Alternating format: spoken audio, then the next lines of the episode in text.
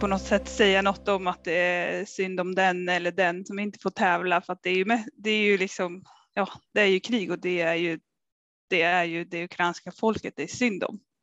Men sen rent sportsligt så, så tycker jag att det är väldigt tråkigt att de inte får vara med och tävla under neutral flagg för, ja, ja, för deras egen skull och eh, för sporten så är det ju väldigt tråkigt.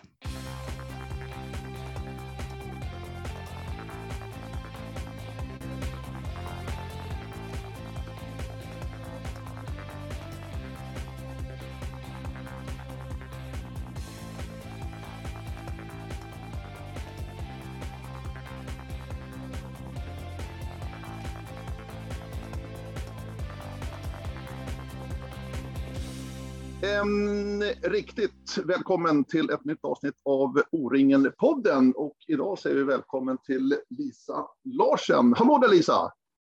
Hej! Tack så Hur- mycket för att komma. Ja, hur, hur mår vi denna dag? Jag mår bra. Är- Ja, jag börjar, det är inte så långt kvar till VM nu så jag börjar förbereda mig på det. Och Precis, pratar om VM i skidorientering. Vi kommer, kommer tillbaka till det, Lisa. Lisa Larsen som vi har Ja, en härligt brokig idrottskarriär. Jag, jag kallar det så, Lisa. Eh, det är liksom både orientering, det är löpning, det är längdskidåkning, det är skidorientering. Men idrott verkar ändå ha varit någonting som har varit någonting för dig hela ditt liv. ja, jo det har det. Jag, eh, ja, jag började ju med, eller höll på med både orientering och löpning och skidor och skidorientering när jag var ungdom. Och sen eh, ja, så har jag väl egentligen fortsatt med, ja, med allting i omgångar skulle jag vilja säga. Men bakgrunden lite grann, varför idrott? Är det föräldrarna? Liksom var det en sån miljö du växte upp i? Eh, nej, det skulle jag nog kanske inte säga. Mina föräldrar var inte idrottare eller de tävlade inte eller så i någon sport. Eh, men det var väl mer att jag kom in på ja, först eh, löpning och sen orientering och ja, så bara följde jag med vidare. Någon kompis som höll på med något annat så testade jag någon ny sport och så fastnade jag väl till slut för uthållighetsidrotterna. Ja, hur kom det sig då? Jag menar, du, du provade på mycket som ung. Ja, jo, men jag hade ingen talang för någon sån här lagidrott eller bollsport eller så. så till slut så var det springa som kvarstod. Du märkte det snabbt ändå att, du- att du hade uthålligheten och kunde hålla igång rätt länge.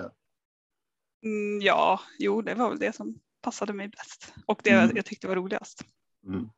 Du är uppvuxen norr om Stockholm, Ja, precis. uppe i Täby. Ja.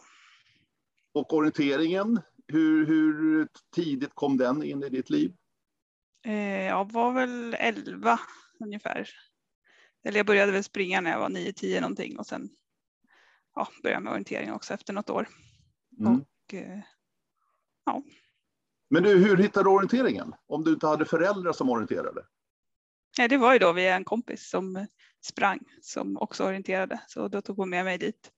Och då var jag, jag, var, jag var lite sent kanske började när man var 11 för då fick jag ju först gå nybörjarkursen med sexåringarna men det var ju det var roligt ändå så att jag fortsatte.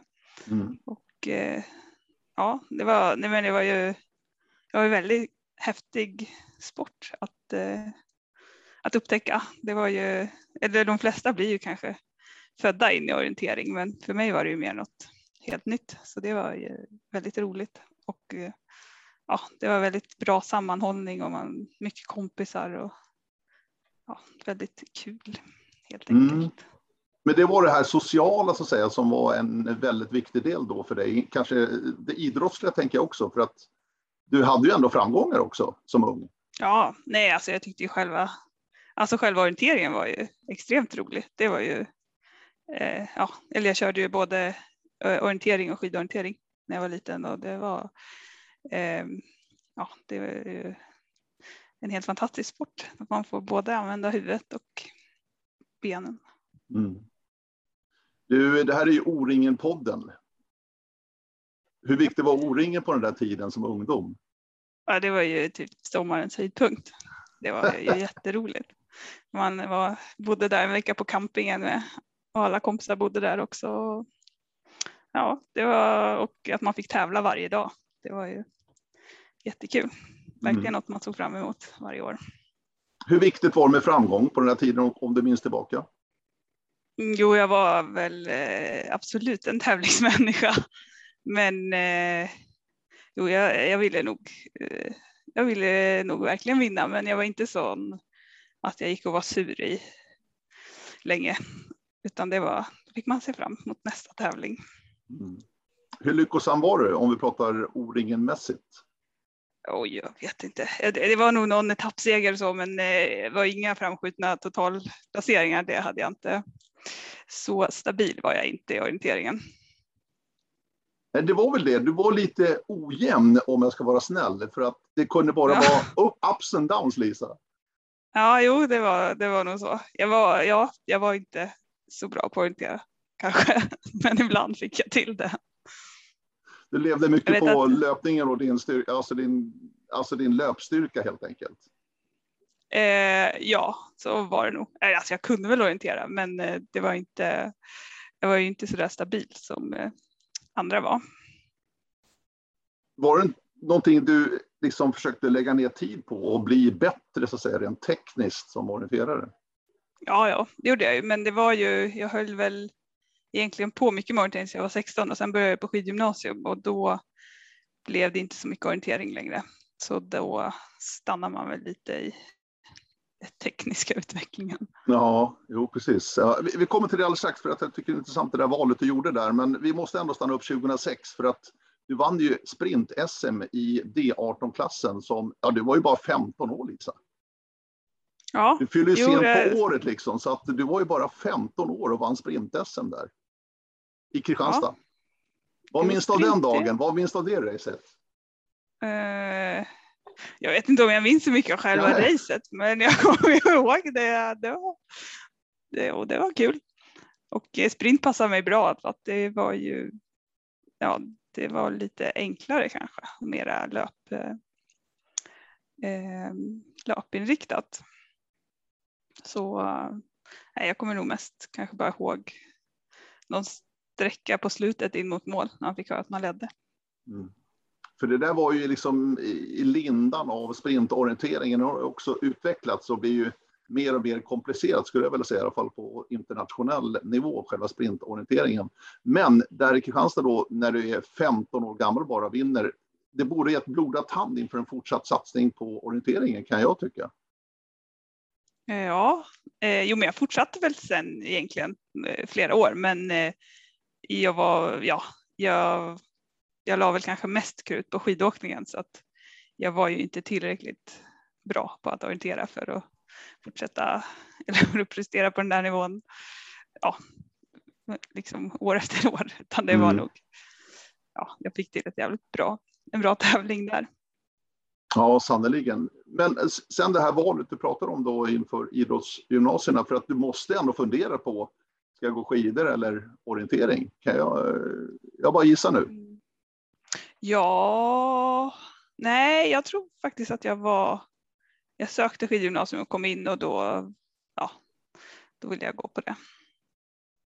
Men du är uppvuxen i Stockholm, norr om Stockholm, skidor. Hur mycket skidor åkte du? Åkte du varje vinter när det fanns snö eller åkte ni till snö? Hur, hur, hur var det i din ungdom? Ehm, ja, jag började med skidor först när jag var 12, 13 någonting. Och då, eller innan dess så var det bara alltså att jag åkte skidor när vi var i fjällen. Eh, men sen ja, när jag följde med en kompis från orienteringen som också var skidåkare då, då var det väldigt mycket att vi åkte och jagade konstsnö och åkte runt i Norduppland och eh, hennes pappa var väldigt, eh, väldigt insatt i skidåkningen så han skjutsade runt oss till det ena konstnärsspåret efter det andra. Så det var, och vi åkte väldigt mycket skidor. Mm. Och mycket tävlingar också, men det, var också, det, det, det, är mycket åka om man bor i Stockholm så att säga och ska satsa ja, på jo, skidor. Det var, det var mycket åkande fram och tillbaka runt ja. i Sverige. Men ändå men, någonstans, men någonstans Lisa så är det ju så att du, du gillade skidorna mer än orienteringen. Kan jag tolka det så? Eh, jag vet inte, just då, då, alltså det var väl att ja, men när, jag, när man sökte till eh, gymnasiet där som jag, som jag gjorde väl ett val att jag ville satsa på skidor. Eh, för att eh, det var det som lockade mest just då. Mm. Var, var gick du någonstans? Vad sa du? Vilket skidgymnasium? Ja, eh, I Mora. I Mora, ja precis. Ja. Där finns det ju skidorienteringsgren också förresten. Ja, fanns det på din tid också? Ju... Eller? Ja, det fanns ja. det. Eh, så jag körde, ju, jag körde ju skidorientering också när jag mm. gick där. Men ja, det var ju samma säsong så det krockade ju ganska mycket så man kunde inte köra så många tävlingar per år. Mm. Men du här att växa upp i Stockholm och satsa på skidor. Du är ju inte det enda exemplet Lisa, det finns flera exempel på det. Jag har ju en kompis i Lars Håland som blev väldigt, väldigt framgångsrikt uppvuxen nere i Haninge, precis som jag är. Så att det går ju, men det, tar, det, det, det, krävs ju ändå en hel del för att ta sig fram i skidvärlden och komma från Stockholm. Ja, jo det gör det. Men det finns ju väldigt många som kommer upp nu som eh, stockholmare som är duktiga på skidor. Så det, det går ju det med. Mm. Och då var det Sundbybergs IK som gällde när det gäller skidor? Ja, precis. Hur aktiva är de? Sundbybergs IK där i Stockholm som också har en orienteringssektion, men på skidsidan? Ja, de har väldigt bra ungdomsverksamhet och, eller ja, de har väl vuxenverksamhet också, men framförallt så har de eh, ända sedan, sedan jag var ungdom haft väldigt bra barn och ungdomsverksamhet och nu har de till och med eh, ett konstnärsspår som har varit igång hela vintern. Så att eh, där kommer ni nog få se flera mm. skidåkare därifrån. Du, eh, hur fungerar det för dig på ett idrottsgymnasium? Man flyttar hemifrån, man får stort eget ansvar, man är ganska ung fortfarande. Hur, hur fungerar det för dig? Eh, det, funkade, det funkade väldigt bra för mig. Min eh, syster som är ett år äldre, hon flyttade dit samtidigt som mig så vi hade varandra. Så det, det var mest bara roligt att flytta hemifrån. Mm. Vad, vad, är det bästa så att säga, med ett idrottsgymnasium för de som lyssnar på det här? Så att säga? Vad, vad, skulle du säga är de bästa bitarna när man ändå satsar? För man har ju ändå bestämt sig, man vill ju ändå satsa på någonting när man ändå flyttar och tar sig in på ett idrottsgymnasium. Eh, ja, det är väl det att man får, man får träna på dagtid och man får väldigt mycket träningskompisar och att det blir liksom en, ja det är väldigt kul att träna för att man har så mycket träningskompisar runt omkring sig och ja, det, det serveras träningar till en som man bara behöver vara där så, så eh, får man väldigt bra träning och det, mm. ja, det är väl kanske inte så lätt när man går på gymnasium i Stockholm till exempel och så ska man ta sig till ett skidspår eh, ja, på kvällen och så. Då, det är ju ganska stor skillnad om man istället blir utskjutsad på dagtid istället och kan träna eh, både på skoltid och efter skoltid. Mm. Finns det några baksidor som du ser det, med, sett i backspegeln? nej, det är väl, jag vet inte, kanske att man, eh, det går ju, man blir väl lätt sjuk för att eh, alla, alla hänger tillsammans på ett idrottsgymnasium, men det blir man kanske på ett vanligt gymnasium också. Det. Och sen att man får eh, sköta allt själv med matlagning och hushåll och så. Det, kanske, det kan ju vara visigt, eller jobbigt för vissa. Mm. Mm. Hur trivdes du i Mora då? Är det ett bra ställe att vara på? Ja, det var jättebra. Det var, det var väldigt kul och eh, ja, bra för att det var Ja, det var lagom långt hemifrån och, eh, men det var ändå ja, en väldigt bra träningsförutsättningar. Och eh, det var också var väldigt kul att det var Eh, det var ju både orient eller, orienterare och eh, skidåkare som gick där, eller ja, skidorientering då, men så att det blev ju väldigt uppblandat, inte bara eh, specifikt skidåkning eller så. Så det var när, du, när du åker tillbaka till Mora idag Lisa, känns det lite som att komma hem på något sätt? Nej, nu det är för länge sedan som jag gick där nu. Det är fan, inte vet jag, 12 år sedan, 13 sedan jag tog studenten. Det. Ja, ja, jo, jo, jo. det, eh, det kanske det gjorde de första åren efter man hade slutat men eh, nu gör det inte riktigt det längre. Alltså jag var där faktiskt för några veckor sedan och körde, eller, körde träningspass med skidorienterarna. De hade någon, eller jag var i Grönklitt så hade de en teknikträning i Vomhus. Då fick man lite flashbacks till mm. när man själv var där. Ja, precis. Jag förstår det. Men skidsatsningen då när du flyttade till Mora för skidgymnasiet, du hade en ambition och det gick ju bra. Du fick ju vara med på junior-VM tre år på raken om jag har läst in mig rätt. Eh, ja, precis. Det på skidor då alltså? Ja, jo, det gick väldigt bra. Ja, det gick väldigt bra. Jag måste ändå dra det här för att jag tycker det här är så häftigt alltså. 2008 då, det är ditt första junior-VM. Eh, då tar du ett brons på 10 kilometer i fri stil i massstarten. Kommer du ihåg vem som vann det loppet, Lisa? Ja, det gör jag faktiskt. Det var ju Johaug. Exakt, Therese Johaug. Ja. minns, minns du någonting av det där loppet? Eh, ja, det gör jag nog lite grann. Eh, alltså jag kommer inte ihåg alls hur, om, jag, om jag låg i rygg på henne eller om jag åkte med någon annan. Men jag kommer väl ihåg att jag, nej, det var nog mer någon fransyska som jag åkte mot. Hon hade nog dragit iväg, låg en bit före hela tiden. Ja, men det är inte så mycket för att eh, jag har kollat resultaten nämligen och du är fyra sekunder bakom Johaug i mål. Ja, ja, det var mindre än vad jag ja. det kändes som. Ja, men det de kanske så... var trött på slutet. Ja, det är möjligt. Kanske ska gå på farten också lite grann när de har säkrat segern i och för sig. Alltså. Men eh, Johaug tog eh, guldet där, 10 km fri stil, massstart 2008. Året efter så tar du ett silver på 5 km fristil. Det är individuell start då, det är ingen massstart utan individuell. Eh, tre sekunder från guldet är det. Vem vann? Det här är lite quiz nu känner jag. Oj, ja, det här var ett quiz. Det var, men det kanske var Krista Parmakoski. Nej, hon var med där Nej. också. Men det var en norska, men inte Johaug. Ja, men då var det Flugstad. Ja, exakt. Ingvild ja. Flugstad Östberg. Eh, det är häftigt med de här namnen som ändå tog klivet ordentligt på seniorsidan också. Eh, och eh, har ju vunnit världscupen bägge två totalt faktiskt, både Flugstad Östberg och eh, Johaug. Vad kände du idag liksom, när du känner att du varit med och fightat som det? Du är alltså tre sekunder bakom Östberg bara på femman där 2009. Eh, ja, det, jo det är klart det, när jag ser dem på tävlingar.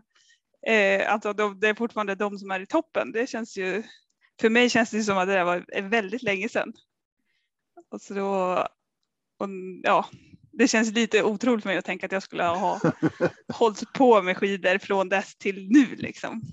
Ja, äh, när jag ser här så känner jag bara wow, vad bra du var Lisa. Ja, jo, det känner jag väl också. Att jag var bra då. Ja, men du är bra nu också. Vi ska komma tillbaka till det, men alltså det är helt imponerande. Du var ju oerhört stark där. Och just fristil, Lisa, det var väl det som du gillade mest, va? jämfört med den klassiska? Ja, det var det absolut. Vad berodde det på? Och det är det fortfarande. Ja, det är det fortfarande. Det förstår jag. Men vad berodde det på att det passade dig bättre, skulle du säga?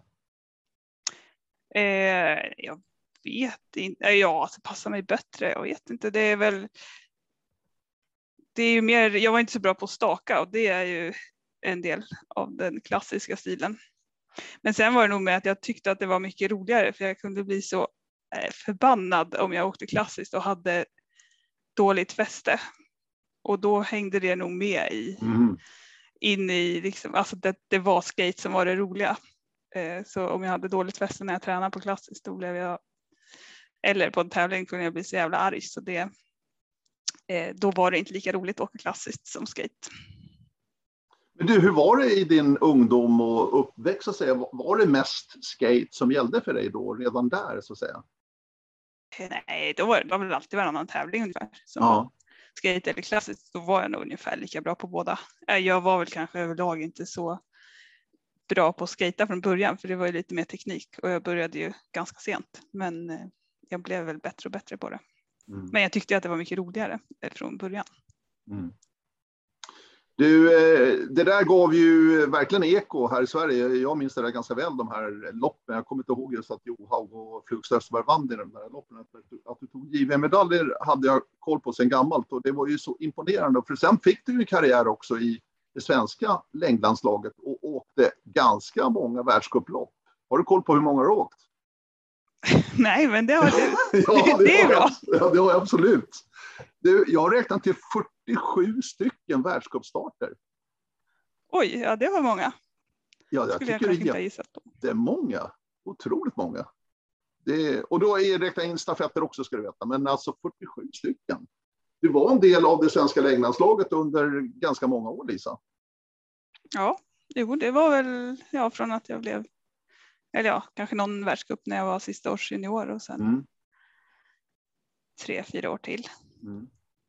Men du, hur var det att vara en del av eh, längdlandslaget så att säga, eh, med hur, hur, liksom, eh, hur mycket hjälp du fick, det, det är läger och det, det är annat så att säga. Man blir en del i den här organisationen. Hur, hur var det för dig? Det var, det var väldigt kul och jag fick ju komma med som ganska ung, eller ja, som jag var med på lite världscuper när jag var 19 redan och ja, var med i U-laget och A-laget sen. Och det var ju väldigt häftigt när man kom in där och då och fick träna med Charlotte Kalla och de bästa. Det var ju väldigt motiverande. Ja, Kalla var ju stor redan då. Hon hade ju, hon hade ju vunnit Tour de Ski då 2008. Ja, jo, hon var ju verkligen en superstjärna. Ja, en superstjärna. Mm. Vad betyder hon då? Vad, vad hade- kunde hon liksom hjälpa dig på något sätt i din utveckling? Eh, ja, jo det var ju alltså. Först så såg man väl mycket upp till henne för att hon var ju, ja, hon var så bra. Men sen vart vi väl, alltså, eller alltså först hade jag väl respekt för henne men vi blev väldigt bra kompisar och ja, det var, det var alltid väldigt kul att ha henne med och ja, hon var väldigt, Eh, det kändes som att hon var en eh, lugn person som, även om jag kunde vara lite nervös så ja, så kunde hon ändå, så var hon den mer lugna personen som kunde visa vägen. Så det var väldigt bra. Mm.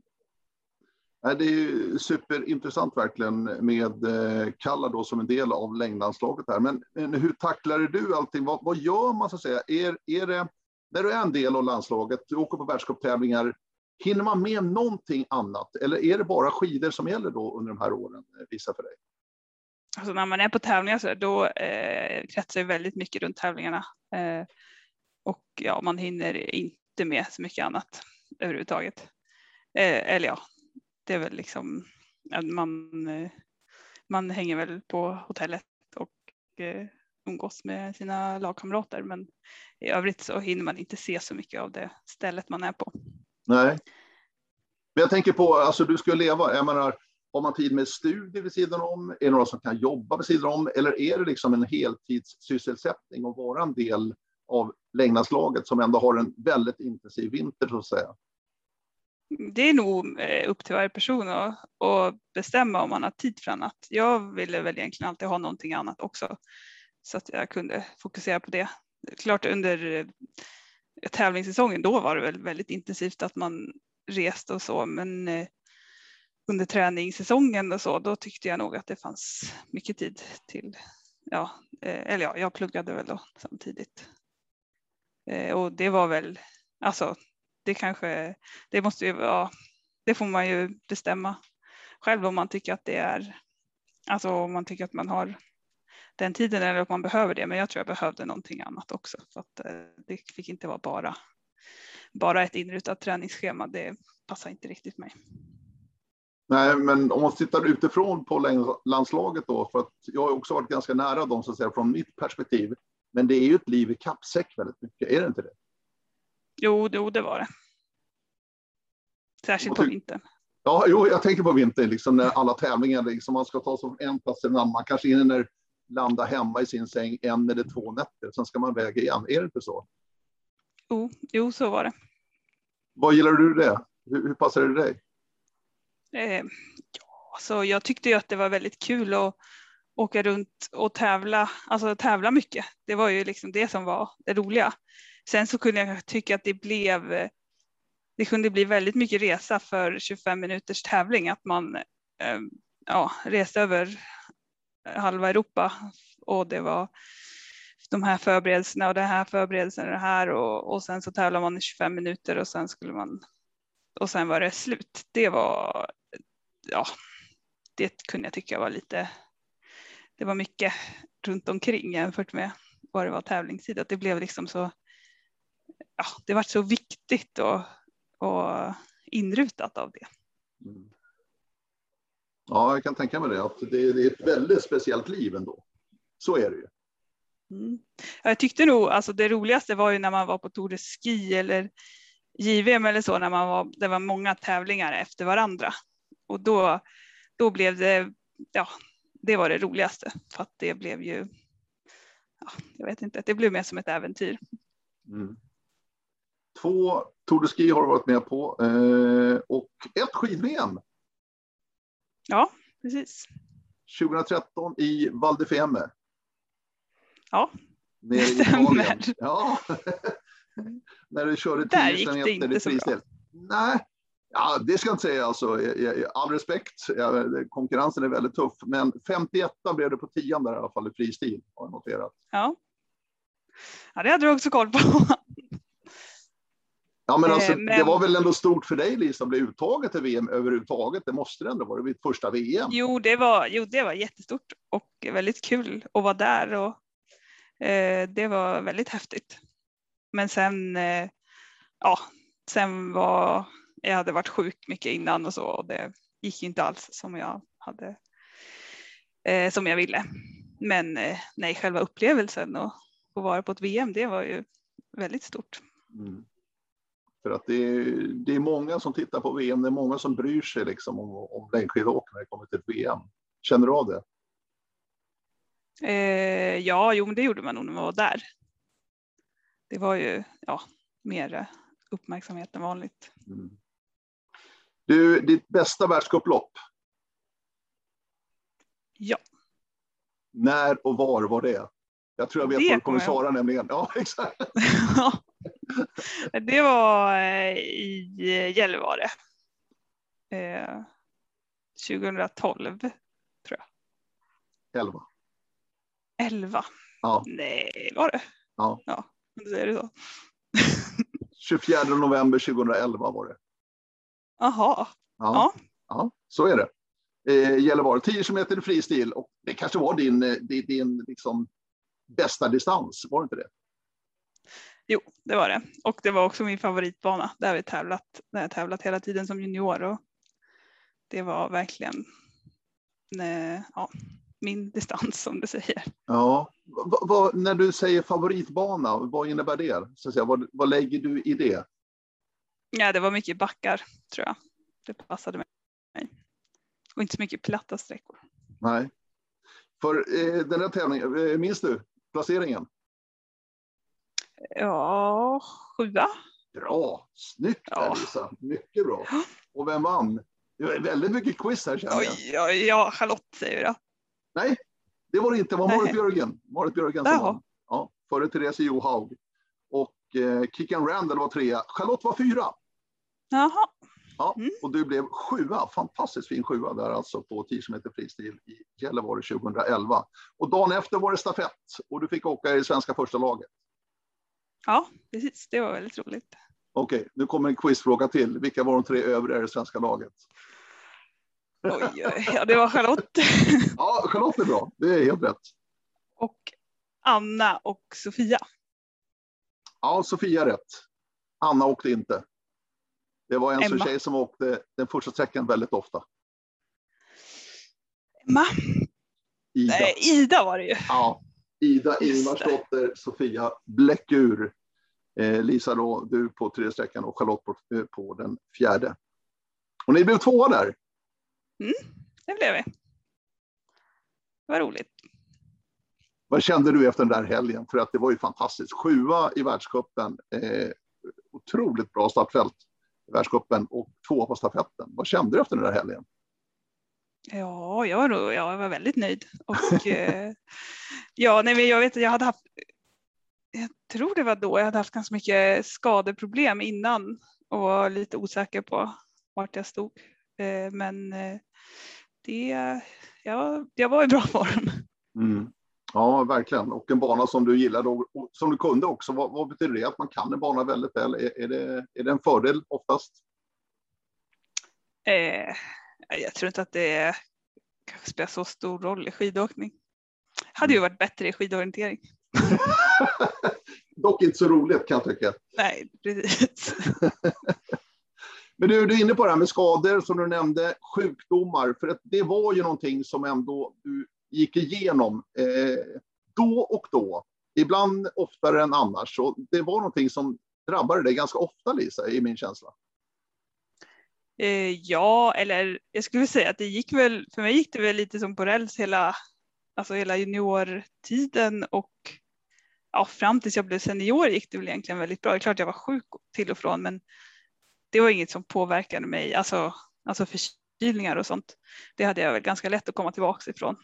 Men sen vart det väl, ja, ja men efter där, när jag var 22, 23 någonting, så blev det väl, ja, mer och mer att jag var, jag blev sjuk väldigt mycket och skadad. Och tills, ja, det vart ju som att jag lyckades inte återhämta mig utan jag ja, det blev väl att jag hamnade på fel sida, tränade lite mer än vad jag klarade av. Och ja, till slut så det var väl egentligen det som gjorde att jag eh, la av för att eh, ja, kroppen klarade inte av att återhämta sig till slut. Är det en svår balansgång det där? Man, man vill väldigt mycket och kanske för mycket i vissa lägen. Ja, ja, jo det är det ju särskilt i en sport som skidåkning där det verkligen är Eh, det gäller att ja, ha, vad, vad ska man säga, den som, den som tränar bäst och ofta mest också, den vinner. Bara, men man får inte gå över den där gränsen. Nej, och det som du är inne på, längdskidåkningen är ju extrem därvidlag för att det, det är ju uthållighet som gäller. Alltså du måste bara orka. Eh, I det, den höga farten ni åker i verkligen alltså på de här tävlingarna, eh, är det en fara som du ser också. Vi, vi har ju väldigt mycket nu för tiden också om, om framförallt på den kvinnliga sidan att det är, de ligger på gränsen verkligen alltså eh, eh, hälsomässigt för att klara av det här. Ja, jo, det är absolut en fara och det, och det är ju tråkigt att det är så att man ska behöva ligga eller ska behöva. Det är väl från det, det beror nog också på ja, hur man är, var, eh, alltså vad man, vad man klarar av. Om man, om man klarar av att träna mycket eller ja, hur man, vad som passar en bäst. Mm.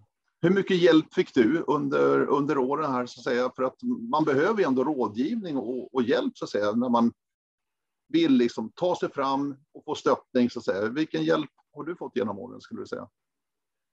Eh, alltså jag fick ju väldigt bra hjälp när jag var i landslaget Eh, men sen så kanske var så var väl eller ja, det var väl ingen som riktigt förstod varför varför eh, det, ja, varför det inte gick varför det inte gick som jag ville. Och eh, för att, ja, jag vet inte. Eh, det, det är svårt i efterhand att veta om man var övertränad eller om det var liksom efterverkningar av något virus eller att man hade gått gräns, över gränsen för länge. Men ja, då var det väl, ja, till slut så fick jag väl bara själv inse att ja, men nu har jag, nu har jag försökt i så många år att eh, och det har inte, kroppen har liksom inte svarat på träning i flera år så att då var det väl egentligen bara mitt eget beslut att bestämma att nu, nu har jag ingen lust att hålla på och försöka och bli besviken flera gånger. Eh, den sista tävlingen du, du finns i FIS-arkivet på, det är början på 2016. Eh, där någonstans känner jag att då, då liksom slutar din skidkarriär. Men ändå har du tagit upp karriären igen nu, Lisa, i skidorientering.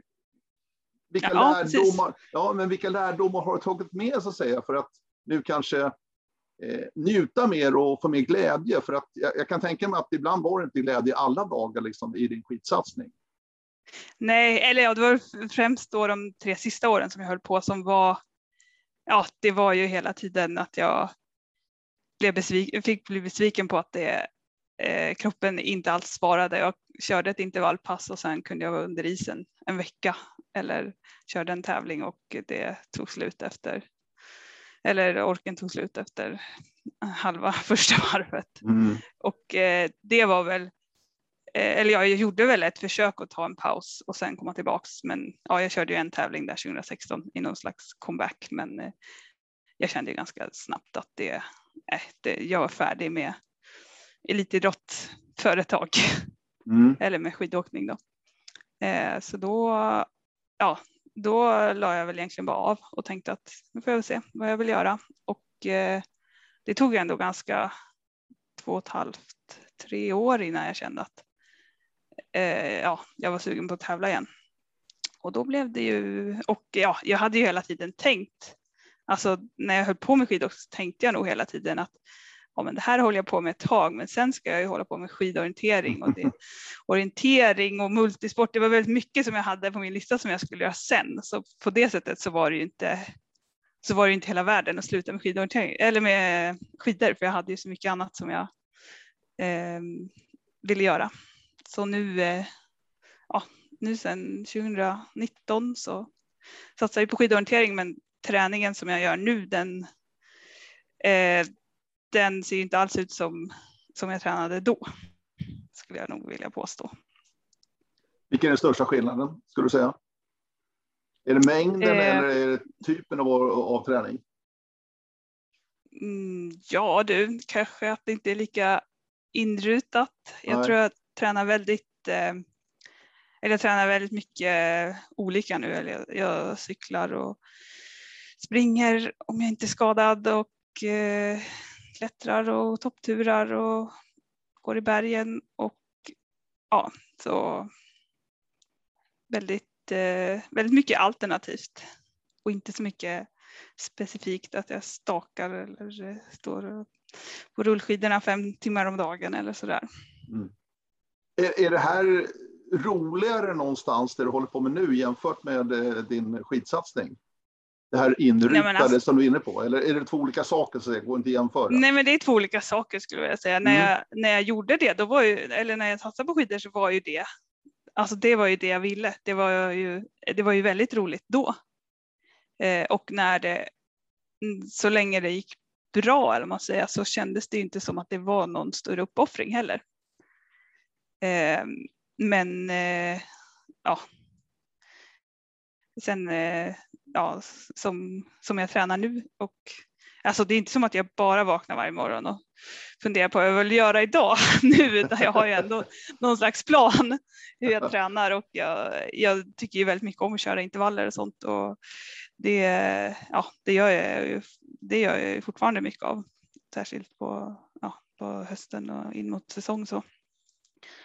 Ehm, men det, ja, det är ju verkligen två, ja, nu kör jag efter det som jag vet funkar för mig och eh, ja, lite mer kanske på känsla än vad jag gjorde då. Då körde jag väl kanske mer det som man, man borde göra för att bli bra på skidor och det funkade ju till viss del för mig. Mm. Men du, du kan ju också jämföra så att säga, längdskidåkningen kontra skidorienteringen. Det, det är en stor skillnad på idrotternas sätt resursmässigt. Jag menar, på skidsidan i längdskidlandslag så har ni ju ganska bra resurser. Ni kan ju åka runt och på träningar. Skidorienteringen är ju en helt annan idrott sett i det perspektivet. Ja, jo absolut, så är det ju. Eh, men det blir ju också, eh, ja, alltså det är ju helt olika idrotter och inom skidorientering så är det ju, det är ju inte en proffsidrott på samma sätt. Alla håller ju på med något, alltså alla jobbar ju eller pluggar eller sådär. Så det blir ju inte samma, det är inte den med som tränar 1200 timmar om året som Nej, är eh, nödvändigtvis bäst heller. nej. I, I mina öron låter du som den perfekta kombon Lisa Larsen som skidorienterare. Liksom. Jätteduktig orienterare, jätteduktig skidåkare.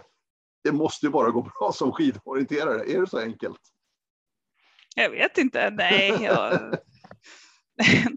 Eller ja, det, är väl, det, var väl, ett- det var väl ett bra utgångsläge och har orienterat mycket och åkt mycket skidor och där känner jag känner att jag har ju väldigt mycket gratis i skidåkningen för att jag har Eh, åkt så mycket och eh, eller tränat så mycket skidåkning så att eh, ja men till exempel som eh, ryskorna, de är ju extremt de tränar ju väldigt mycket och är väldigt duktiga på att ta sig fram snabbt på smalspår för det är de, det är de kanske tränar mest men eh, på bredspår så kanske jag åker ifrån dem för att det, ja, det är där jag har min starka sida. Mm. För det där tycker jag är jätteintressant Lisa, för att just det här smalspåret som finns i skidorientering, det, det är en annan typ av skidåkning ändå. Ja, jo det är ju det. Hur, hur tränar man det? Liksom, hur blir man bra på sånt? Eh, ja, man blir, man blir bra på skidorientering av att träna skidorientering skulle jag vilja säga. Det är väl det är ju ganska speciellt. Det är klart man kan stå och staka i ett klassiskt spår, men det är inte alls samma sak. För eh, när det väl är ett smalt spår som är mjukt så, så spelar det mindre roll hur, hur bra man stakar i ett perfekt spår skulle jag vilja säga. Mm. Ja, eh, jätteintressant och du har ju lyckats väldigt väl också så här långt. Ja, din, det har gått jättebra. Din, ja, verkligen. Ett VM-guld i Estland förra vinter under pandemin som också har ju drabbat oss alla, eller drabbat och drabbat, men det har påverkat oss alla i alla fall verkligen. Och det där Estlands-VM var ju egentligen det första internationella eventet som IOF arrangerade under pandemin så att säga. Hur speciellt var det att åka till Estland där under den här pandemin och alla restriktioner och tester och allting?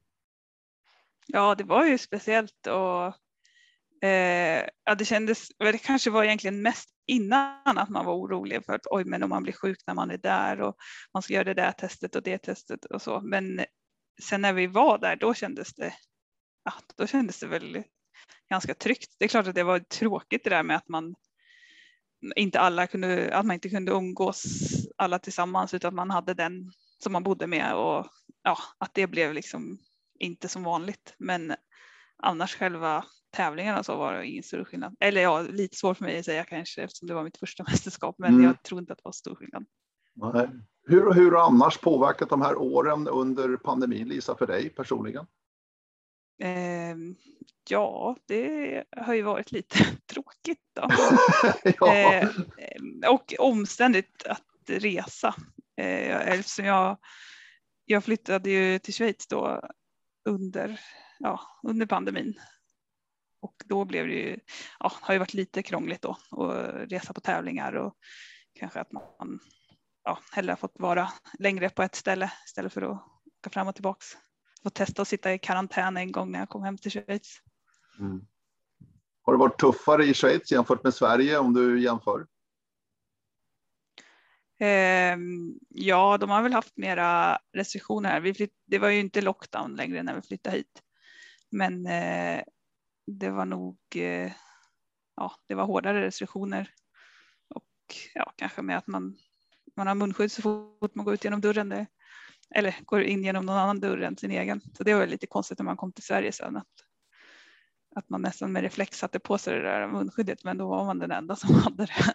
Mm. Men det är spännande. Du har flyttat till Schweiz för något år sedan alltså Lisa. Hur, varför flyttade du till Schweiz?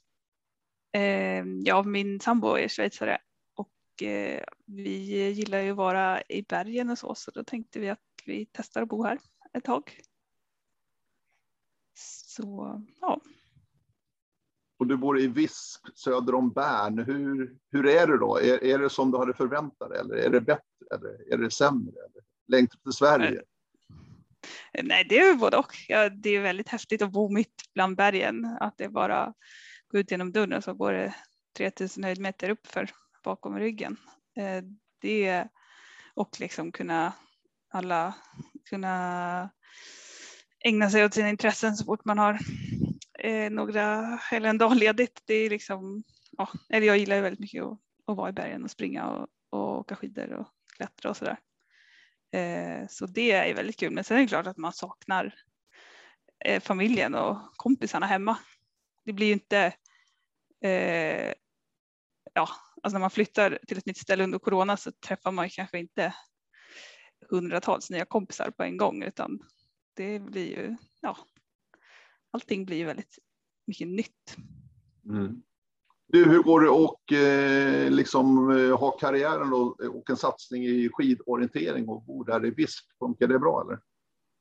Ja, det går bra. Jag eh, har hittat en, eller jag jobbar på ett företag som är väldigt eh, snälla och låter mig vara, jobba på distans och vara borta på tävlingar när jag vill. Så det, det funkar väldigt bra.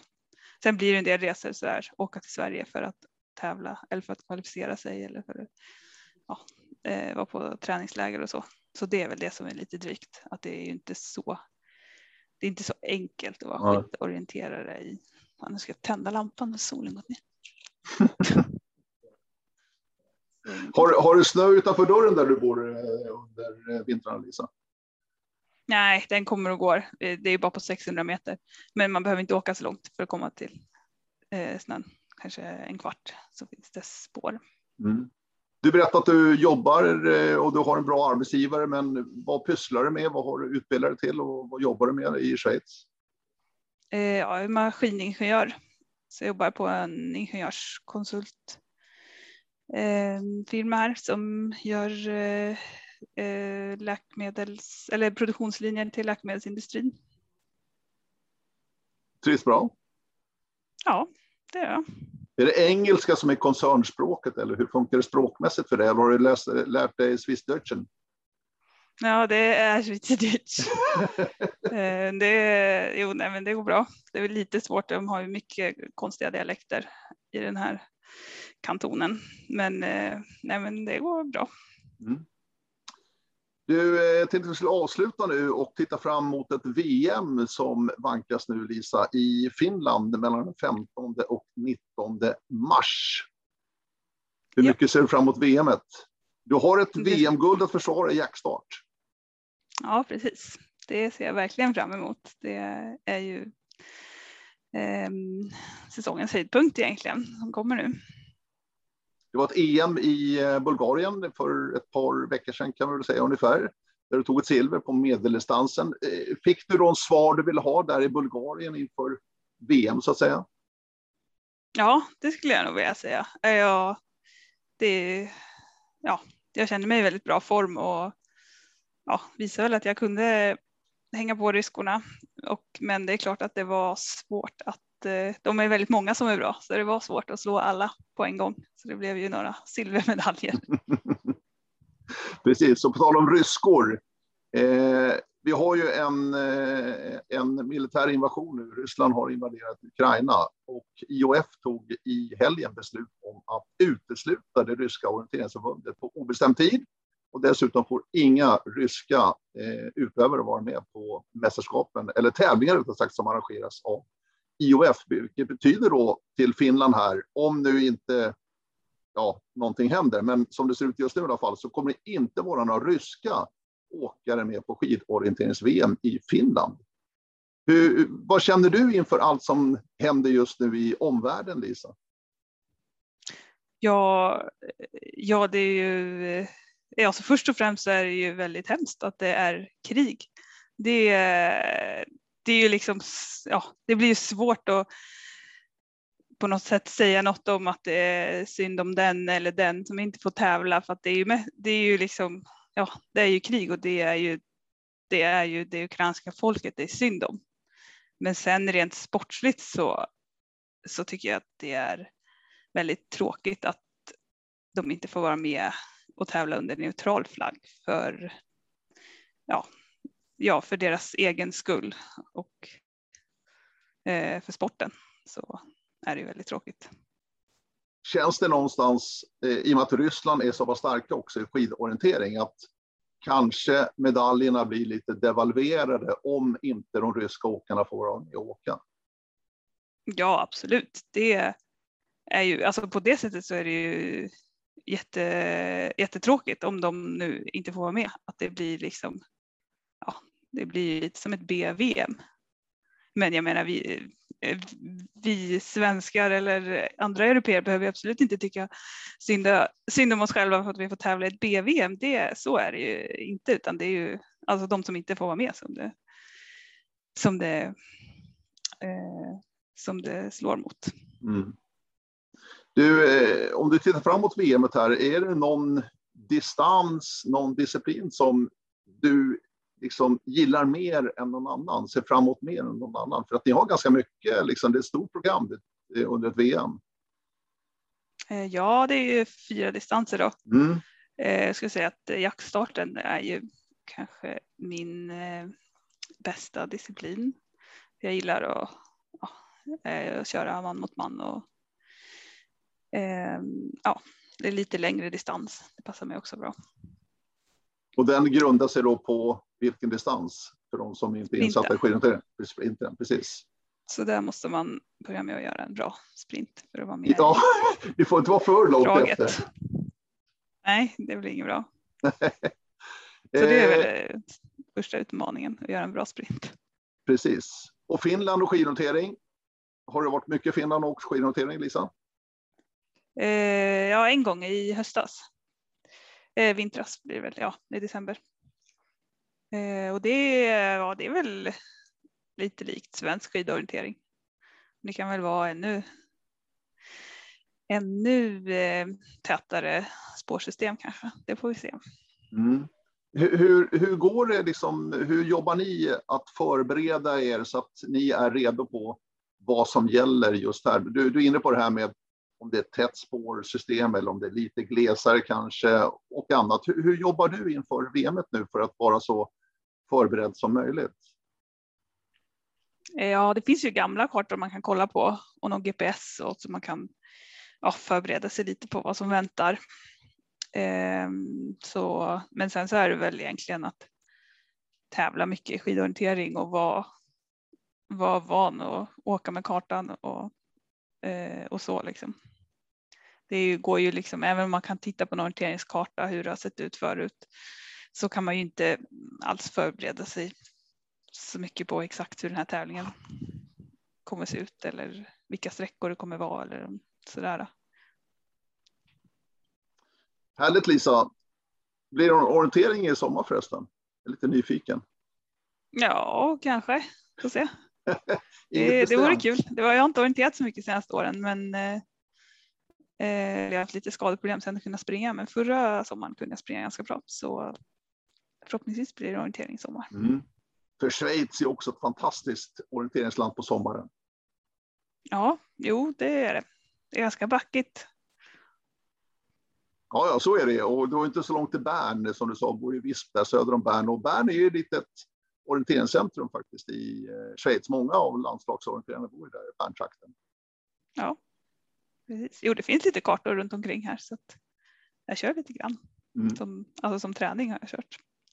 Sen har jag inte lyckats pricka in någon tävling än, men det kommer nog. Det kommer säkert här under året nu när pandemin också släppt sitt grepp. I alla fall just nu. Vi får hoppas att det håller i sig.